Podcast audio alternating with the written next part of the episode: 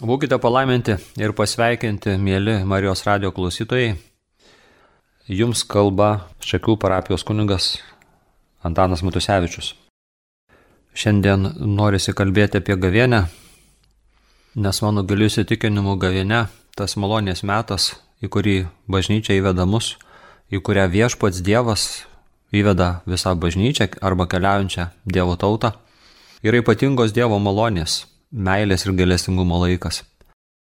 Turbūt žinote, kad gavienios paskirtis pasiruošti Krikšto sakramentui, nes senaisiais amžiais gavienę ruoždavo katechumenus Krikštui, kuris buvo teikiamas Velykų išvakarėse. Ir dabar daugelį pasaulio bažnyčių katechumenai ruošiasi Krikštui, kuris vyksta Velyknaktį. Ir gavinė yra tam toks artimiausias pasirašymo, geriausias pasirašymo metas. Ir mes esame kviečiami, kurie jau esame pakrikštyti, kurie jau priklausomi tai keliaujančiai ir kovojančiai bažnyčiai esame kviečiami gavėnios pabaigoje atnaujinti savo pasižadėjimus, krikšto pažadus, tarsi iš naujo išgyventi krikštą ir vėl iš naujo pasirinkti viešpatį Jėzų kaip mūsų kelią, tiesą ir gyvenimą. Ir gavėnė apvainikuojama Velykų šventė, Velykų tridienių, kur švenčiame Kristaus kančią, Kristaus mirtį, jo prisikelimą. Tai yra ir bažnyčios kančia, bažnyčios gimimas Jėzaus mirtyje, bažnyčios Velykos. Bet drauge gaviene labai gerai išreiškia, simboliškai išreiškia ir viso mūsų žemiško gyvenimo, tarsi simbolis yra, mūsų žemišką gyvenimo prasme įprasmena, nes mūsų kelionė yra ta tarsi gavienios kelionė. Čia neturime amžino miesto, bet siekiame būsimo ir tas būsimas miestas yra amžino Jeruzalė. Tai praktiškai visas mūsų gyvenimas ir turėtų būti nuolatinis atsivertimas, nuolatinė atgaila. Ir tas galutinis triumfas arba ta laimė, kurią mes esame pašaukti, kurią esame sukurti ir yra ta dangaus karalystė. Tai kaip gavėnė apvainikuojama Velykų švente, Velykų iškilme, viso krikščioniško ir žemiško gyvenimo, tai yra brandoly širdis, Velykų tas tridienis Velykų šventė. Taip ir mūsų žemiška kelionė šitą mūsų kova painikuojama amžinai laimę. Tai dėl to gavienė yra labai reikalingas, labai svarbus laikas. Malonės metas, kai matome gavienė yra mūsų mokytoja ir gavienė yra mūsų įprasmintoje ir dėl to taip svarbu mums gavienę gerai išgyventi. Ir priimti tas dovanas, malonės dovanas, kurias viešpas mus yra paruošęs. Tai pradžioje šito mokymo katechezijas noriu kalbėti apie gavienę. Ir gavienius e, pradžia mus įveda į viešpaties Jėzaus kovą. Nes matome pirmąjį gavėnio sekmanį skaitomas pasakojimas apie Jėzaus gundimą, kaip Jėzus piktosios dvasios gundomas, o gavėnios pabaiga apvainikavimas yra kryžiaus išaukštinimas, Jėzaus pergalė prieš nuodėmę, prieš blogį, prieš mirtį. Yra labai graži gavėnios pradžios, būtent pirmosios gavėnios dienos, pelenų dienos pradžios malda mišių malda, tai vadinama kolekta. Noriu ją paskaityti ir ją melstis, kad šitą gavienę mums neštų tos vaisius, kuriuos Dievas yra paruošęs bažnyčiai ir kiekvienam jos nariui.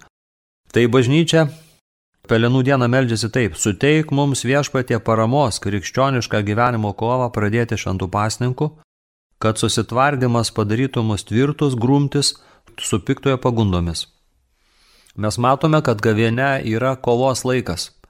Ir apskritai visas krikščioniškas gyvenimas yra kova. Ir matome, kad Jėzus kovoja. Didžioji kova, kuri prasideda e, Jėzaus viešosios veiklos pradžioje. Jėzaus krikštų Jordanų upėje, paskui Dievo dvasia išveda į dykumą, ten jisai pasninkauja, pasninko pabaigoje, sustinka su piktai dvasia ir nugali ją Dievo žodžiu. Pasakydamas eik šalin šietonę, nes parašyta viešpatį Dievą te garbink ir ją vienam te tarnau.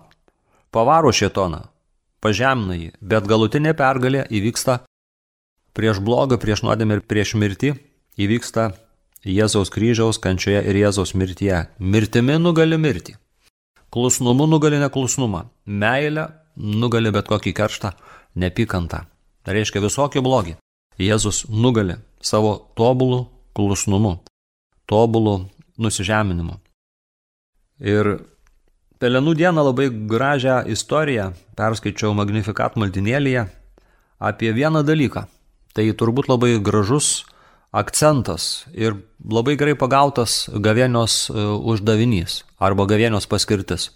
Kaip mes galime įprasminti gavėnę ir kaip galime išeiti nugalėtojais. Paklausykime. Iš dykumos tėvų apoftegmos. Vieną dieną Batas Makarius, grįždamas į celę iš pelkių, visas apsikrovęs nendrėmis, susitiko dalgių nešiną demoną. Veltui stengiasis dalgių pagauti abatą demonas tarė. Verčiate mane žiauriai kentėti, Makarijau, nes negaliu jūsų nugalėti. O juk darau visą, ką darote jūs. Jūs pasninkaujate ir aš nieko nevalgau. Jūs būdite ir aš nemiegu. Tačiau vienu dalyku jūs mane pranoksate. Kokiu, paklausė abatas Makarius, savo nusižeminimu. Atsakė demonas nusižeminimu, dėl kurio neįmanoma jūsų nugalėti. Tai, mėly Marijos radio klausytojai, galima teikti, kad gavėnios tikslas ir yra nusižeminti. Nes Jėzus taip pat nusižeminimu pasilenkė prie pasaulio nupuolusio, nutolusio, Dievo čia žadėjusio ir nusižeminimu labai e, susijęto su klusnumu pakėlė nupuolusi, nusidėjusi pasaulį. Noriu su jumis dalintis savo kelionės patirtimis, šios gavėnios kelionės patirtimis, nes man labai svarbu nuo pat kunigysės pradžios būti liudytoju, Jėzaus liudytoju. Tai kitaip sakant, liudyti tai, ką suprantu, ką Dievas man apreiškia, ką Dievas man rodo, kuo aš gyvenu, kuo viešpas mane maitina, kaip viešpas mane gydo, kaip viešpas mane pakelia. Tai dėl to šita katechezė bus e, šiek tiek pasakojimas, ką Dievas man kalba, ką Dievas man rodo, kaip mane veda ir kaip Dievas rodo, kalbina per įvairius tekstus, liturginius tekstus, mišių tekstus, kuriuos šiuo malonės metu, gavėnios metu gyvenu, skaitau. Tai skaitau aš kiekvieną rytą Lenkų kunigo Kšištofo Vonso pamastymus, tai man labai svarbi medžiaga, labai svarbus maistas, mano tikėjimo ugdymui, mano Jėzaus gilesniam pažinimui, mano kovai pagaliau, mano pergaliai Jėzuje Kristuje. Tai skaitau šią savaitę kunigo Kšištofo Vonso pamastymus. Buvo skaitomas žodis iš Jono Evangelijos 8 skyriaus apie Jėzaus susikirtimą, Jėzaus ginčą su fariziejais, su žydais. Žinome, kad Jėzus dažnai konfliktuodavo, bet ne dėl to, kad jisai buvo Jėzus konfliktinė asmenybė, bet dėl to, kad jis pats nuolankumas ir pati tiesa. Ir dėl to, kad tą tiesą su meile tvirtai, ištikimai skelbė ir liudijo, e, gaudavo pasipriešinimą.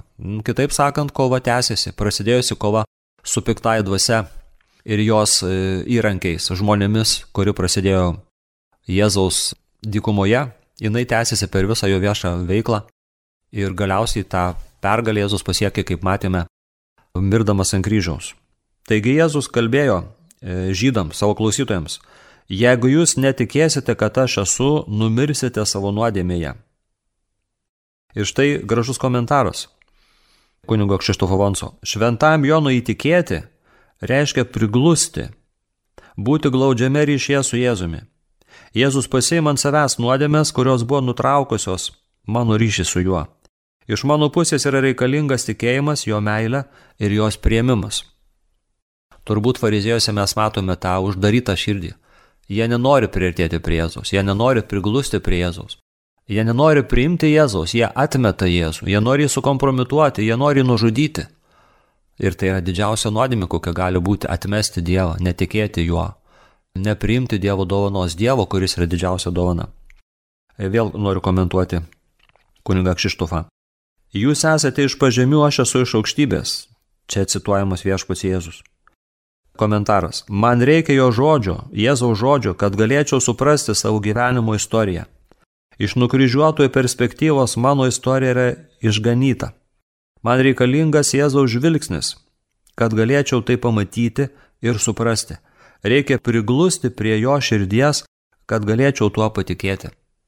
Kitaip sakant, Jėzus, paimdamas mano ir kiekvieno žmogaus visos žmonijos nuodėmės, užneždamas ant kryžiaus, įvykdė sutaikinimą. Dabar dangus ir žemė sutaikytas su tėvu. Dabar yra atsiteista tėvui už tas begalinės tėvo meilės įžydimo nuodėmės, už netikėjimą, už puikybę, už bet kokį maištą. Jėzus atliko viską ir tas paskutinis Jėzaus žodis atlikta labai gerai išreiškia Jėzaus pergalę. Dievo pergalę, dangaus pergalę, gyvenimo pergalę. Labai svarbu, kad mes to niekada nepamirštume ir kad mes gyventume būtent šitoj tikroviai, šitoj realybėj, nematomai, tik tikėjimu prieinamoj realybėj. Kaip svarbu, kad mes vat nuolatos taip žvelgtume į pasaulį, į save ir žmonės, kaip žvelgia Jėzus. Iš tos pergalės perspektyvos, iš amžinybės perspektyvos, iš dangaus perspektyvos, iš tikėjimo perspektyvos. Kaip svarbu, kad būtume tie žmonės, kurie jau esame perkelti iš mirties į gyvenimą. Kad būtume Velykų žmonės. Kad būtume krikštu, krikšto malonė gyvenantys žmonės. Tai labai svarbu, kad šita dieviška perspektyva, kad šita Jėzaus pergalės tikrovė nuolatos skaistintų ir nuolatos maitintų ir stiprintų mus keliaujančią ir kovojančią bažnyčią. Skaitydamas brevijorių, perskaičiau labai gražų tekstą, paimtą iš bažnyčios antro Vatikano susirinkimo dokumento Lumen Gentium, numeris 9. Tai čia kalbama taip, bažnyčia regiamas išganingos vienybės sakramentas. Kalbėjau ką tik tai apie tai, kad ta Jėzaus pergalė yra neregima, bet štai, motina bažnyčia iš karto mus kalba, kad ji Jėzaus įkurta bažnyčia arba mistinis Kristaus kūnas yra regiamas išganingos vienybės sakramentas, vienybės su dangišku tėvu, su visa švenčiausia trybė, su dangaus šventaisiais ir su broliais esėmis, su mistiniu Kristaus kūnu, kuris tokiu tampa arba kurio nariais kiekvienas žmogus tampa per tikėjimą ar per krikštą. Citata iš šio dokumento. Pradžioje šitas dokumentas pacituoja šventąjį raštą, kažkurį iš pranašų, turbūt pranašą Jeremiją, jei neklystu. Tikėkit manimi, ateina dienos, tai viešpatė žodis, kada sudarysiu naują sandorą su Izraelio namais ir jodo namais. Įdėksiu juose savo įstatymą, įrašysiu jiems jį į širdį. Tada aš būsiu jų dievas ir jie bus mano tauta. Visi, maži ir dideli, pažins mane, tai viešpatė žodis. Kristus įkūrė tą naują sandorą. Tai yra savo krauju patvirtintą naują testamentą. Pašaukia žmonės iš žydų ir pagonių, kad jie ne kūnų, bet dvasia suauktų vienybėn ir būtų nauja Dievo tauta. Juk tikintieji Kristų, gyvojo Dievo žodžiu, atgimę ne iš gendančios, o iš negendančios sieklos, ne iš kūno, o iš vandens ir šventosios dvasios, tampa išrinktoji giminė, karališkoji kunigystė, šventoji tauta, įsigytoji liaudis, kuri seniau buvo ne tauta, o dabar Dievo tauta.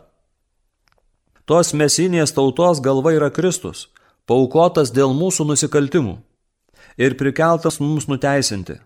Dabar gavęs vardą aukštesnį už kiekvieną kitą vardą ir garbingai karaliaujas danguje. Matome kokią nuosabitą galvą viešpats Jėzus. Išaukštintas, sėdintis tėvų dešinė, kuriam duota visa valdžia, danguje ir žemėje. Karalių karalius ir viešpačių viešpats.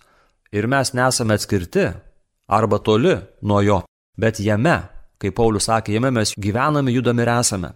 Glaudžiais, malonės ir tikėjimo, meilės ryšiais, šventosios dvasios aitais susijęti su amžinuoju tėvu, amžinuoju dievu. Bet klausykime motinos bažnyčios. Tos tautos būsena yra Dievo vaikų, kurių širdise kaip šventovėje gyvena šventoji dvasia, orumas ir laisvė. Šitą mintį, kuri man labai graži, paskaitysiu dar kartą. Tos tautos būsena yra orumas ir laisvė. Dievo vaikų, kurių širdise kaip šventovėje gyvena šventoji dvasia.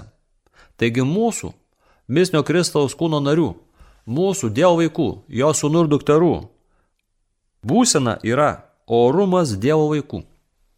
Jos įstatymas yra naujas įsakymas mylėti taip, kaip pats Kristus mus mylėjo.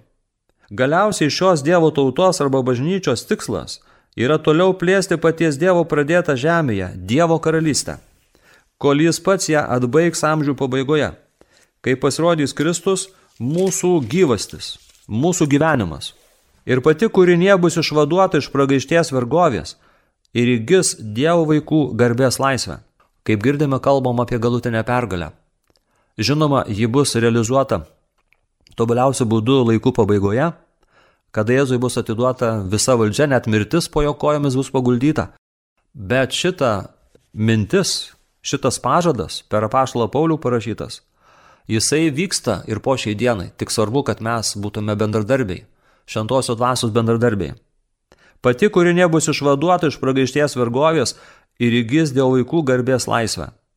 Taigi toji mesinė tauta, nors visų žmonių iš tikrųjų nepriepia, ir nekart atrodo kaip menka kaimenė, visai žmonių giminė yra tvirčiausia vienybės, vilties ir išganimo užuomasga. Kristaus įsteigta gyvybės, meilės ir tiesos bendrystėje, ji taip pat jos skiriama būti visiems atpirkimo priemonė ir siunčiama visam pasauliu kaip pasaulio šviesa ir žemės druska. Ir čia galima pacituoti vieną tokį stiprų labai teiginį, kuris berots net ir tikėjimo tiesa yra paskelbtas, kad šalia bažnyčios nėra išganimo. Kitaip sakant, jeigu norime būti išganyti, nueiti į dangums reikalinga bažnyčia. Kažkuris bažnyčios tėvas gražiai yra pasakęs, kad negali turėti dievų tėvų tas, kuris neturi motiną bažnyčios. Labai stipriai pasakyta. Dėl to neteisinga būtų sakyti, aš už Kristų, bet prieš bažnyčią. Kristų priimu, Kristų tikiu, bet bažnyčios nepriimu, bažnyčios man nereikia. Tai yra nesusipratimas na, kalbant keistenybę, net gal galim pavadinti kvailystę. Dar kartą paklausykime. Kristaus įsteigta gyvybės, meilės ir tiesos bendrystėj, ji taip pat jo skiriama būti visiems atpirkimo priemonė ir siunčiama visam pasauliu kaip pasaulio šviesa ir žemės druska. Taip gražiai kalba apie Dievo tautą, naują Izraelį ir bažnyčią. Lygiai kaip kūniškasis Izraelis keliaujas per dykumą, jau buvo vadinamas Dievo bažnyčia, taip ir naujasis Izraelis, žengęs per dabartinį pasaulį ir ieškas būsimojo, išliekančio miesto, yra vadinamas Kristaus bažnyčia, nes įsigėjo ją savo krauju. Jėzus įsigėjo ją savo krauju. Pripildė savo dvasios. Aprūpino tinkamomis regimosios ir socialinės vienybės priemonėmis. Dievas sušaukė sambūrį tų, kurie tikėdami žvelgia Jėzų kaip išganimo nešėją ir vienybės bei taikos pradmenį. Ir sudarė šių bažnyčią, kad visiems ir kiekvienam jį būtų regiamas šios išganingos vienybės sakramentas. Fantastika, jėga, taikos garantas, vienybės, visokios vienybės, širdžių vienybės, socialinės vienybės, išganimo, išganingos vienybės garantas, priemonė, net sakramentas. Nežinau, trūksa žodžių. Tik dvasia turbūt gali visą šitą gelmę atskleisti. Dievo dvasia gali atskleisti, kokią galybę viešpats Dievas mums duoda ir palieka šventos vienos visuotinės bažnyčios pavydalę arba asmenyje. Taigi mes matome, kad išganimas, įvairiausios malonės dovanos, daugybė atsakymų, gyvenimo įprasminimas, pats gyvenimas atrandamas, dovanojimas ir skleidžiamas bažnyčioje, su bažnyčia ir per bažnyčią. Ir labai svarbu, kad mes nuolatos ir nuolatos dėkotume viešpačiu šią dovaną.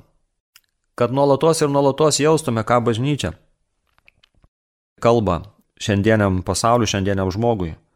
Ir visai neseniai minėjome vieną iš gražiųjų bažnyčios švenčių, švento Jozapo, kuris yra bažnyčios globėjas, kuris yra mergelės Marijos sužadėtinis ir globėjas ir viešpaties Jėzaus globėjas, kuris yra šventosios šeimos galva.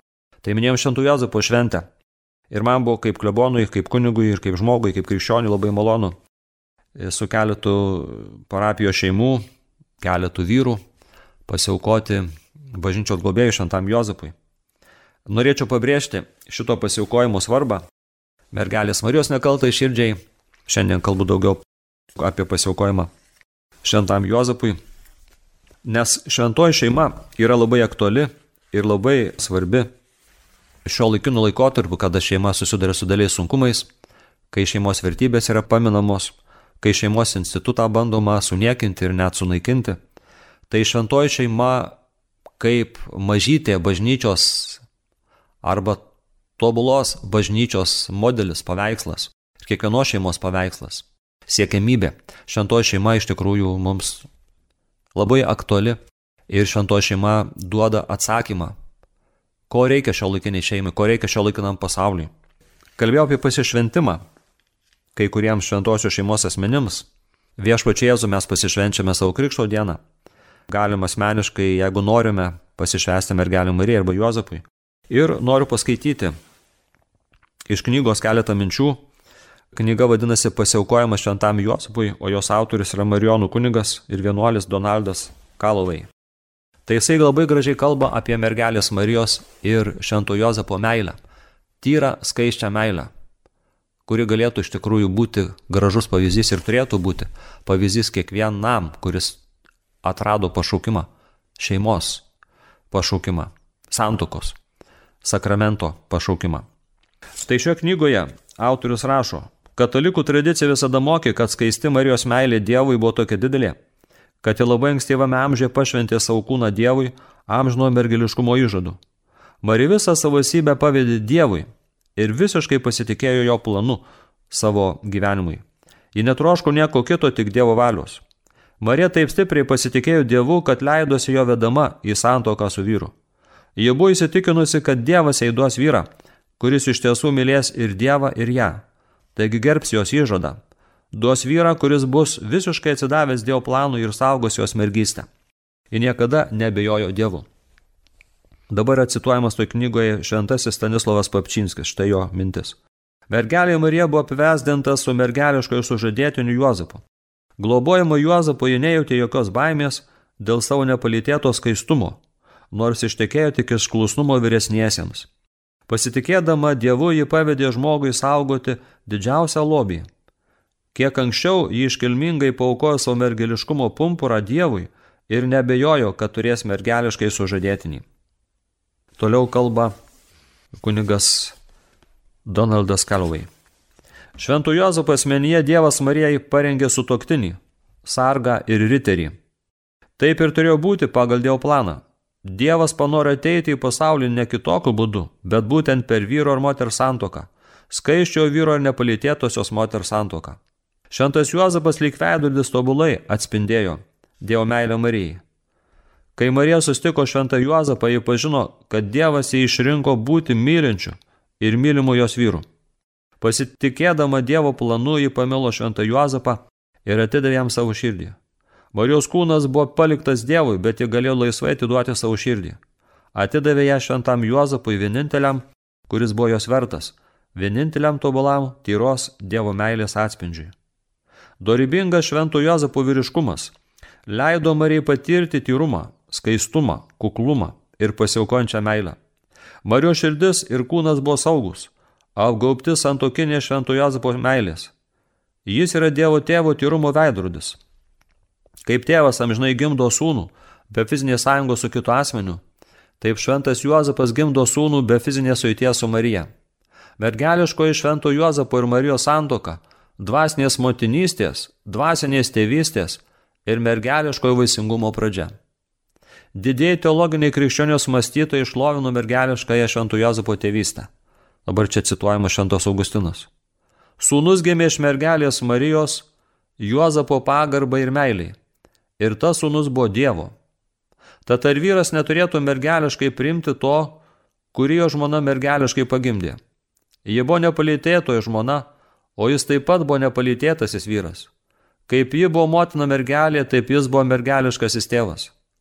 Taigi, kas sako, jis neturėtų būti vadinamas tėvu, nes nepradėjo sūnaus, Tie žiūri gyvybės davimą iš geismo, o ne vidinio meilės jausmo perspektyvos. Leiskime, kad didesnis jo tyrumas patvirtintų jo tėvystę.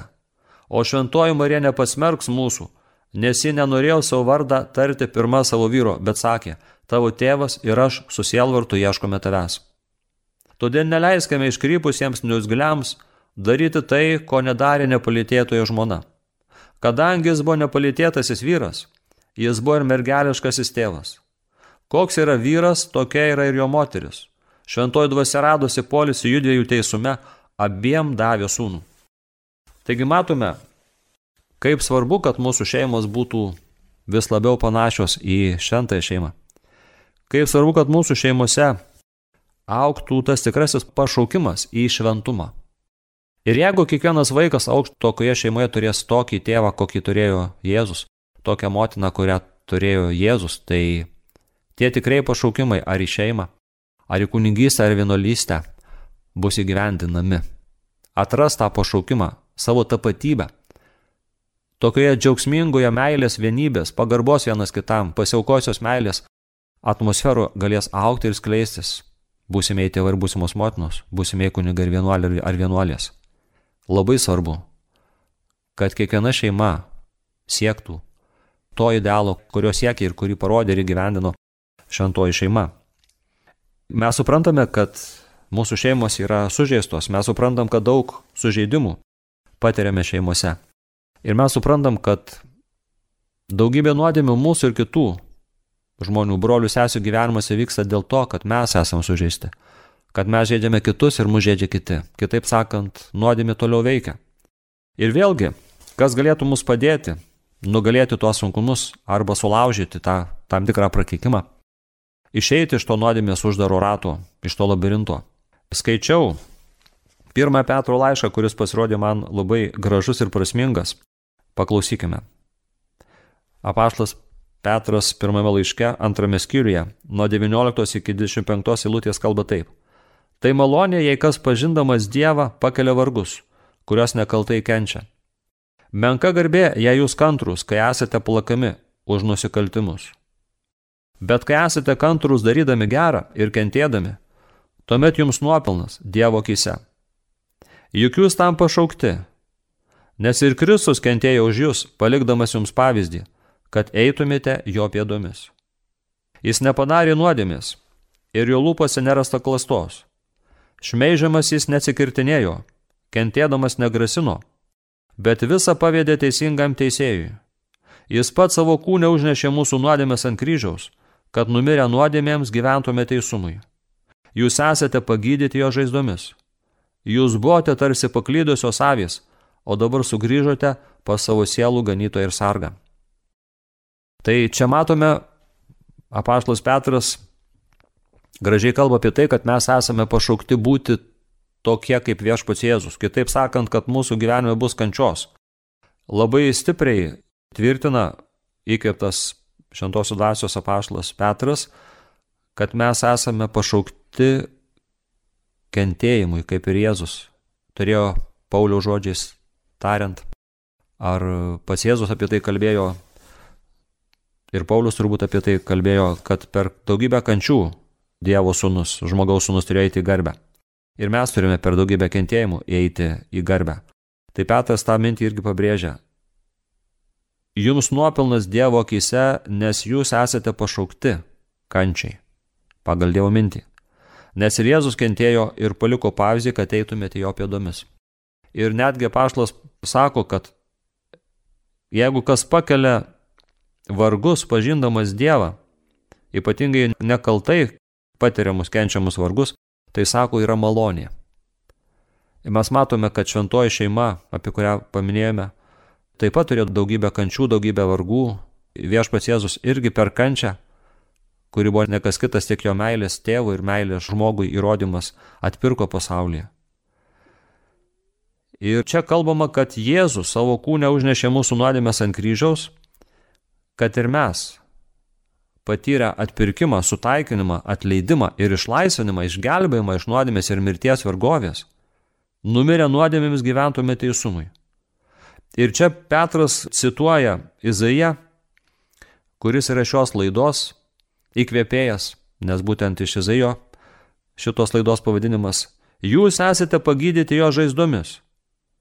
Jūs buvote tarsi paklydusios avys, o dabar sugrįžote pas savo sielų ganytoją ir sargą. Ir čia esate pagydyti jo žaizdomis tokia gilesnė prasme, ne tik apie ligas, kūno ligas, kad esame pagydyti. Taip, esame pagydyti. Bet čia kalbama apie pačią svarbiausią lygą, būtent nuodėmės lygą, kurią galim pavadinti dvasinėme mirtimi. Mes Jėzaus žaizdomis, o Jėzaus žaizdos mums rodo jo meilę mums, jo nepykantą nuodėmiai ir jo pergalę prieš nuodėmę ir mirtį. Tai va būtent iš šitos lygos, iš šitos mirties, iš šitos baisenybės, iš šitos nelaisvės, iš šitos vergovės, nuodėmės ir mirties vergovės mes buvome išgydyti Jėzaus žaizdomis. Nes Jėzaus žaizdos kurias labai gražiai Jonas parodo prieskelimo dienos Evangelijoje, Velykų Evangelijoje. Jo žaizdos rodomos netikinčiam Tomui, jau nebebūk netikintis, būk tikintis. Ir tai rodo Dievo galestingumą, Dievo meilę ir Dievo pergalę. Vyksta šis išlaisvinimas, kai švenčiame sakramentus. Vyksta šis išlaisvinimas, kai mes nusižeminam, kai mes atgailaujame. Ir šiomis dienomis mane labai lietė viena tokia medžiaga brolių protestantų paruošta, konkrečiai stolai, sutoktiniai stolai, šeimos konsultantai, tikintys žmonės. Noriu trumpai pristatyti apie tai, kad Dievas trokšta mus išgydyti iš tam tikro prakeikimo, kuris turbūt daugiau mažiau veikia kiekvienos šeimos e, gyvenime. Tai jie kalba apie tai, kaip svarbu mus atpažinti tą paveldą, kurį mes gauname, dažnai net su motinos pienu. Nes geri dalykai, geras paveldas mums perdodamas kaip dovana, bet ir blogas paveldas, mūsų, kitaip sakant, mus veikia. Mūsų tėvų, mūsų senelių, prosenelių geri darbai, jų nuopelnai, jų šventumas, jų meilė, jų geri darbai, kuriuos jie daro, bet taip pat mus veikia ir nuodėmės, jų nuodėmės, ypatingai okultinės, kurios užtraukia prakeikimą. Dėl to labai svarbu atpažinti. Kai mes atpažįstame nuodėmę, savo asmeninę nuodėmę pirmiausia, taip pat tėvų protėvų nuodėmę ir iškeliam į Dievo šviesą, įvardinam, išpažįstam per išpažintį, kalbu apie savo asmeninės nuodėmės, tada mums pradeda veikti Jėzaus pergalė, tas išgydymas, apie ką taip gražiai kalba Paštas Petras. Taigi labai reikėtų rimtai, atidžiai peržvelgti savo šeimos ir giminės istoriją. Ir pagalba čia yra egzorcistas.lt svetainėje klausimynas arba anketa, dar kitaip užvadinta pirmame titulinėme puslapyje, kada reikalinga malda dėl išlaisvinimo arba egzorcizmas. Giliu įstikinimu mano kiekvienas žmogus turėtų peržvelgti savo sąžinę ir išpažinti tas nuodėmės, kurios tame klausime neįvardintos, nes iš savo patirties žinau, kad netgi giliai tikinti žmonės, kai padaro tą sąžinės apskaitą, atranda ten dalykų, kurių nelaikė nuodėmė, kurių nelaikė rimtų blogų. Taigi atpažinti savo nuodėmės, savo protėvių nuodėmės, iškelti į viešpatie šviesą, išpažinti savo asmenės kaltes per išpažinti yra labai svarbu. Neneikti, kad turime tų problemų, nes mes matėme, kad nuolankumas yra labai svarbi gavėnios pergalės prieš blogį, prieš nuodėmę ginklas, priemonė išpažinti tas nuodėmės, per išpažinti, per gailos sakramentą ypatingai okultinės nuodėmės, arba išpažinti net jų atsižadėti Jėzaus vardu. Ir atgailauti. Ne tik išpažinti, bet ir nuolatos atsižadėti, kitaip sakant, nuolatos atsiduoti iš naujo viešpačiu Jėzu, kaip, kaip kalbėjom pradžioje, kaip svarbu mums atnaujinti savo krikšto pasižadėjimus. Tai va, atgailauti už savo, už savo tėvų, už savo protėvių nuodėmės, atleisti jiems iš viso širdies. Įvardinti mūsų asmenės nuodėmės, arba mūsų tėvų, protėvių nuodėmės vaisius, nu, pavyzdžiui, skirybos, alkoholizmas, netikėjimas ir panašus dalykai. Ir nuolatos melstis. Melstis už e, savo šeimą. O šeima tai yra platesnė savoka, ne tik ta šeima, kurioje mes gyvename dabar arba gyvename, užaugome, bet šeima tai yra tie, kurie mums davė gyvybę iš kartos į kartą, perdavė gyvybę. Tai reiškia mūsų protėviai. Šeima tai yra mūsų tėvai, šeima tai yra mūsų, kas turime vaikų, mūsų vaikai ir vaikaičiai. Kitaip sakant, mes turėtume melstis ir atgalauti už savo šeimos giminės praeitį, dabartį ir net ateitį. Ir dėl to taip svarbu, kad mes nuolatos kiekvieną dieną aukotume save Jėzui, galbūt e, šventam Jozapui, kaip kalbėjome, ir mergeliai Marijai nekalčiausiai. Dabar noriu paukoti nekalčiausią mergeliai Marijai save, savo šeimą ir giminę, jūs, mėly Marijos radio klausytojai, jūsų šeimą ir giminę ir visą Marijos radio šeimą. Nekalčiausiu Jėzaus motina ir mano motina Marija, Lietuvos karalienė. Sekdama Šventų Jono Paulius antrojo pavyzdžių, šiandien tariu, esu visas tavo. Nekalčiausiai tavo širdžiai pavedu visą save, visą kas esu, savo protą, širdį, valią, kūną, sielą, mintis, emocijas, atmintį, sužeidimus, silpnybės, savo praeitį nuo pradėjimo akimirkos, dabartį ir ateitį, kartu ir kūno mirtį, kiekvieną savo žingsnį, darbą, žodį ir mintį. Tavo nekalčiausiai širdžiai patikiu savo šeimą ir visą, ką turiu. Tau atiduodu visus savo darbus, maldas ir kentėjimus. Tu, geriausiai motina, saugok mane ir mano artimuosius nuo pikto. Išmelsk mums reikalingų malonių, kad būtume perkeisti ir išgydyti. Vesk mus gyvenimo keliais ir naudok mus statant karalystę tavo sunaus, Jėzaus Kristaus, vienintelio pasaulio išganytojo, iš kurio kyla visas gėris, gyvenimas ir tiesa. Mergelė Marija, šeimų karalienė ir visų mūsų motina, Dievo motina, melskės už mus. Amen. Jums kalbėjo kunigas Antanas Matusevičius, o laida, kurios klausėte, buvo Esame išgydyti Jėzaus žaizdomis. Būkite palaiminti.